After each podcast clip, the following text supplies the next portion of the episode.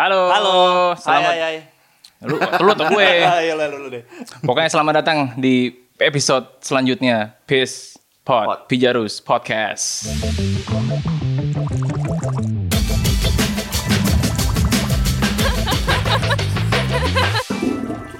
Anyway, um, we have a really really special guest today. Pasti kamu bilang itu ke semua tamu yang datang ke sini kan. Oh, Tamu-tamu yang sangat spesial. Enggak, enggak, enggak, enggak. enggak. Janji ya, nggak bilang itu lagi ke tamu-tamu yang datang ya. Hanya kami yang spesial ya. Yes. Emang emang emang kerasa enggak? Makanya. Halo, saya Tara Basro, saya berperan sebagai Maya.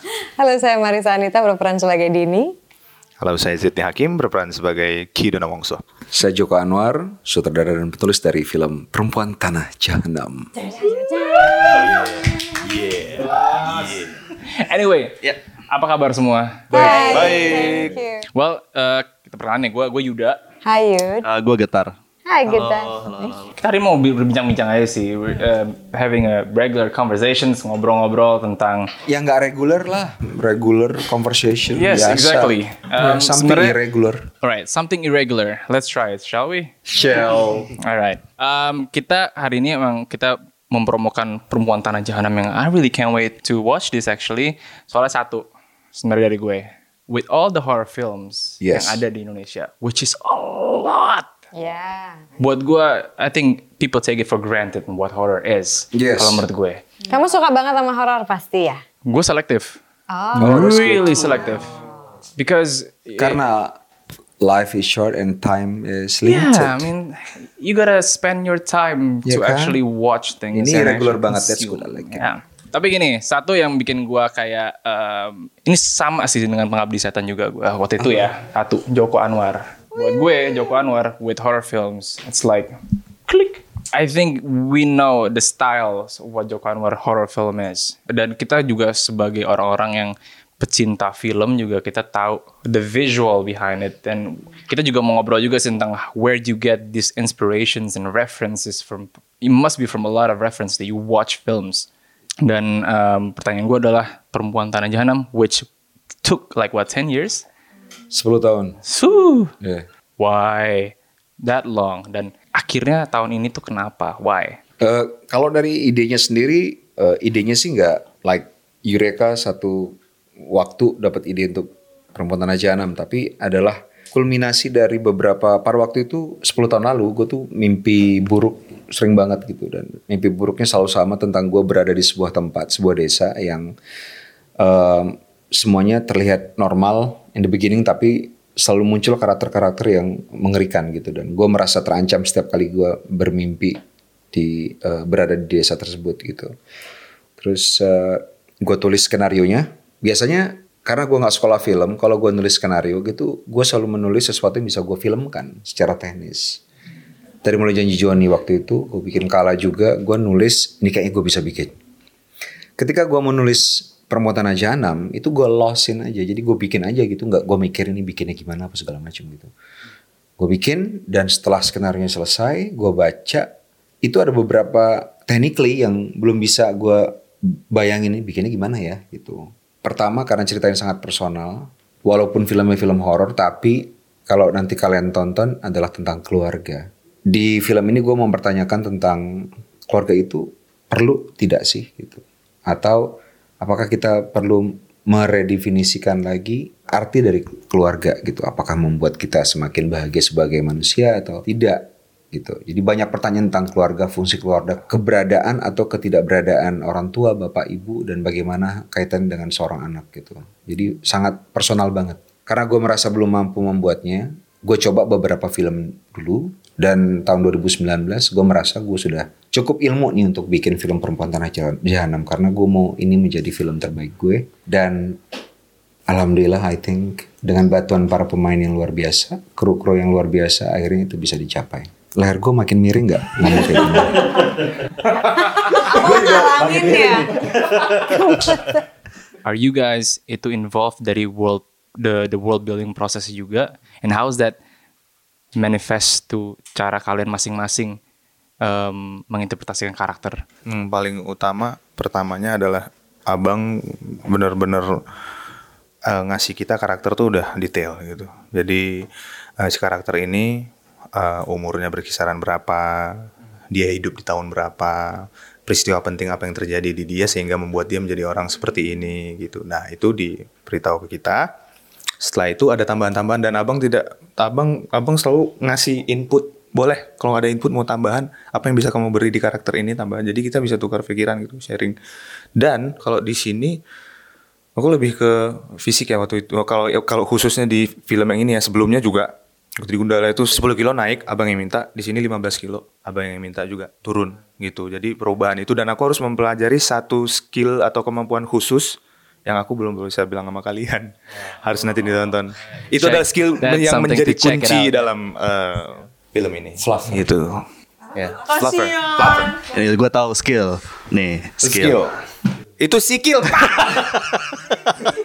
Oke, next. Um, kalau menurut gue sih semua karakter di film Perempuan Tanah Jahanam ini sangat menarik sekali karena di film ini sangat kompleks karakternya nggak nggak hanya hitam dan putih. Dan justru di sini yang bikin menarik itu gitu. Dan secara cerita pun mempertanyakan uh, sebagai manusia where do we stand right now uh, in the society? Terus udah itu uh, di kehidupan personal pun gitu. Gimana sih caranya when you have to fight your own demons dan mempertaruhkan orang-orang di sekitar dan segala macam itu sih yang lebih sul bukan sulit tapi uh, menantang dan sangat menarik gitu. Jadi memang benar teman-teman yang lain pun harus they have to really dig deep to find that uh, balance uh, di karakter masing-masing. Kalau aku sih mikirnya jadi aktor itu harus pinter. Tapi kalau dengan abang agak spesial nih. Selain nggak hanya pinter, tapi harus jujur. Jadi itu yang di, itu yang dikejar sama abang. Kejujuran itu, kejujuran rasa itu. Kita harus jujur dong. Mau nyampe ke penontonnya ditonton jujur dong yang dikeluarin gitu kan. Jadi tidak ada action. Kan mungkin kalau ada ucapan kata itu kayak ada yang orang tuh kadang-kadang bisa, oh gua harus, oh gimana gitu. Tapi enggak, eh, silakan. Bahkan kadang-kadang nggak ngomong aku nggak tahu kadang-kadang ini udah action apa belum ya. Tapi, tapi abang menghargai proses kita untuk membangun keadaan yang ada di situ gitu. Itu treatment yang aku dua kali sama abang nih film pertama jadi aku nggak tahu ya kalau dia yang lain-lain bakal kayak gimana gitu. Jadi ketika aktor itu dipercaya sama direkturnya, lu gimana sih rasanya dipercaya sama orang? Pingin ngasih lebih kan? I will do that better than you, yang dari kamu harapkan gitu. Jadi rasa kayak gitu. Jadi aku ngelihatnya bukan kayak gimana ya, bukan kayak puppet master. Jadi kayak gimana ya, kayak partner gitu. Eh, lu partner nih, lu partner gua. Karena mereka bukan cuman reading, pembangunan karakter mereka juga termasuk observasi. Mereka tahu karakter mereka itu dalam dunia filmnya, hidupnya ini seperti apa, terus eh, pekerjaannya seperti apa, dan mereka memang langsung observasi ke tempatnya. Gitu. Mereka ada rekamannya ya mereka supaya supaya tidak dikenali oleh masa, mereka pakai kerudung. Jadi supaya nggak kelihatan. Ini. Jadi mereka jadi nggak dikenali sama orang gitu. At night? Enggak, Oh, during the daytime. Daytime. Alright, alright, alright. Jadi mereka observasi ke Cool. tempat-tempat di mana karakter mereka bekerja, tinggal gitu. Terus ada some sort of it's not a test ya, tapi kayak eh, kalau kita reading itu kita nggak baca skenario karena Iya. kalau skenario dibaca berulang-ulang jadi basi ketika di lokasi. Jadi mereka kita bikin workshop dan di workshop itu kayak ada Real life simulasi. Situation. ya real life situation mereka tahu karakter mereka seperti apa dan aku kasih situasi. What will your character do or how will your character react to this particular situation? And they will be interacting with each other kan and then aku rekam dan setelah direkam nanti akan kita bahas mereka akan bertingkah laku seperti ini nggak sesuai karakter mereka itu nah, itu yang menjadi uh, mereka. Jadi they did all the homework themselves kalau director tuh tugasnya hanya untuk memberikan impuls dan katalis supaya mereka bisa come up with uh, pendalaman yang lebih jauh tentang karakter mereka. Dan proses itu sih aku menikmatin banget melihat setiap pemain bertransformasi dari mereka yang masih sebagai mereka menjadi karakter itu dari waktu ke waktu workshop apalagi ketika syuting. Such a joy melihat all these acts mereka-mereka. Kalau misalnya lagi acting kita melihat bukan cuma aku ya semua semua kru tuh kalau mereka lagi acting, mereka melihat kan they want to know. Jadi everybody is is excited and interested to see how the scene played out gitu. Dari mulai DP-nya melihat mereka kayak kayak so giddy gitu. Aku juga ngeliat monitor. Uh, jadi begitu mereka Apalagi lihat Ibu Christine ya bang. Nah itu semuanya kalian kayak gitu dan begitu cut itu yang uh, uh bagus banget kalian gitu. Oh, gitu. Pas take itu oh ada suara sunyi. Kayak kayak lu nggak ada orang di situ emang lu lagi berada di situ. Kalau gua ya pas ngerasain di dalam karakter itu Dia ya. intens banget lagi ininya adegan-adegannya. Tadi mention uh, Christine Hakim. Woo, that's a Epic. epic name. Dari, you- how's that go with you guys? Maksudnya dari dari Bang Joko juga working with her, how's that? Dari Bang Joko, gimana cara ngerayunya nih? Oh iya benar. Nah, Chris, itu dia. Christine Hakim kan a living legend ya. But Um, setelah Ibu Christine kembali lagi uh, main film di uh, Indonesia kan ya, beberapa film yang beliau mainin, gue jadi punya kayak obsesi untuk membuat film bersama dengan Ibu Christine Hakim, tapi memberikan dia peran yang she can really chew on gitu. It's not just a character yang dia bisa mainkan dengan gampang. Dia karena dia sangat bertalenta, jadi mainin karakter tuh sangat ya bisa dengan effortless gitu. Untuk permontana Jahanam, gue kepingin dia memerankan sebuah karakter yang very very challenging for her in her career gitu. Karena ini film horor, dia kayak berulang kali bilang di media, kalau saya nggak mau main film horor, nggak mau, nggak mau, nggak mau gitu kan. gue bercerita di Jogja ketemu sama dia, gue bikin sedemikian rupa, gue satu mobil sama dia tuh acara Jav kan. sabotase. Walaupun mobil kita dua, satu aja bu, ini aja bu, kayak gitu nih. Terus aku bilang, bu, aku ada cerita loh. Cerita apa? Ceritanya gini gini ini. Hah, kamu bikin film itu kayak gitu? Iya, serem banget itu.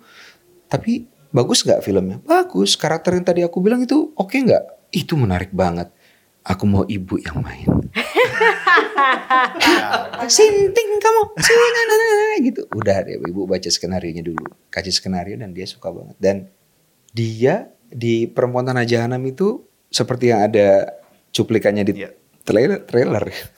Wow, dia di sebagaimana halnya dengan para pemain lain dan eh, aku rasa Perempuan Tanah Jahanam ini sebuah ensemble cast yang dynamite ya, betul-betul Dino. dynamite banget melihat interaksi mereka satu sama lain itu yang holy shit. Aku bisa bilang holy shit. Boleh, boleh, boleh, boleh, boleh, boleh, bebas, bebas. Yang holy Boleh, shit boleh, banget boleh, gitu.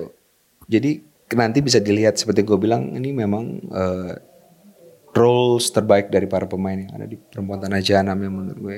Oke, eh, tadi ada bisikan goib. Ada, ada bisikan goib nih kayak. Iya. Eh, katanya nih proses syutingnya rada unik ya. Eh, aktor-aktor nih nggak ada yang tahu penempatan kamera di mana gitu. Tahu tapi nggak nggak obvious gitu. Oh, oke. Nggak diatur banget. Eh, itu apa sih yang ingin dicapai sebenarnya dengan proses seperti itu? Katanya tidak ada kata action juga gitu. Ya kita semua pakai Enslate ya, jadi hanya ada cut Enslate gitu. Jadi di awal-awal itu tidak menggunakan kata action karena dari awal memang kita sepakat eh, bahwa kita ingin menempatkan para pemain menjadi karakter yang hidup di dunia yang memang ada dalam film tersebut gitu.